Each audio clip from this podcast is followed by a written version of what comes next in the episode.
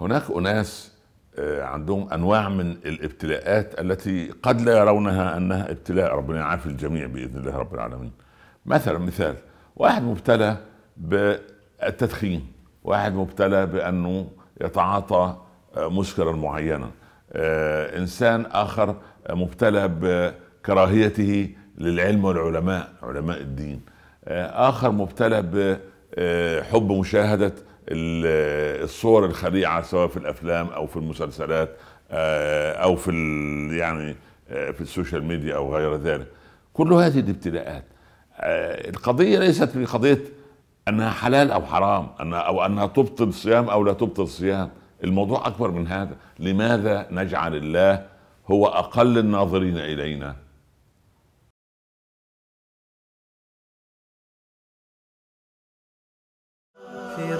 بالمدرسة الأسماء يا من زانت في رمضان. وأصول عقيدتنا العظمى للمسلم تغدو برهان. بحر التبيان الوافر جاءت في أغلى تبيان وعلى نهج الدين الطاهر في كل زمان ومكان. أحكام شريعتنا الأمثل تسمو علينا تزداد. نرجو فيها أرقاما هل ودلائلها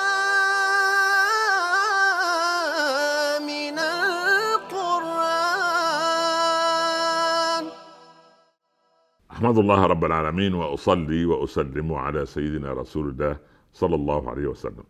وبعد أتحدث معكم اليوم عن موضوع قد يراه البعض انه ميسور وسهل وليس فيه شيء.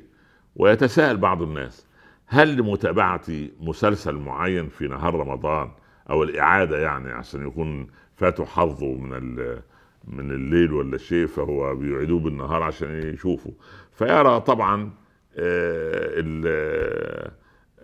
يعني أنتم فاهمين وأنا فاهم يعني يرى ما لا يجب أن يراه. آه، هل هذا مبطل أو مفسد للصيام؟ هو أول شيء هو ليس مبطلا للصيام يعني ليس من مبطلات الصيام أن ينظر الإنسان نظرة معينة لكن إن لم أتعود في رمضان أن أغض البصر متى أتعود؟ يعني فرصة جات لي 30 يوم أن أصل في ناس آه العجيب يقول إيه؟ يقول له يا أخي تخيل الموظف الفلاني يقول عن المدير أنه صنع كذا وكذا يقول يا راجل اتق الله نحن في نهار رمضان.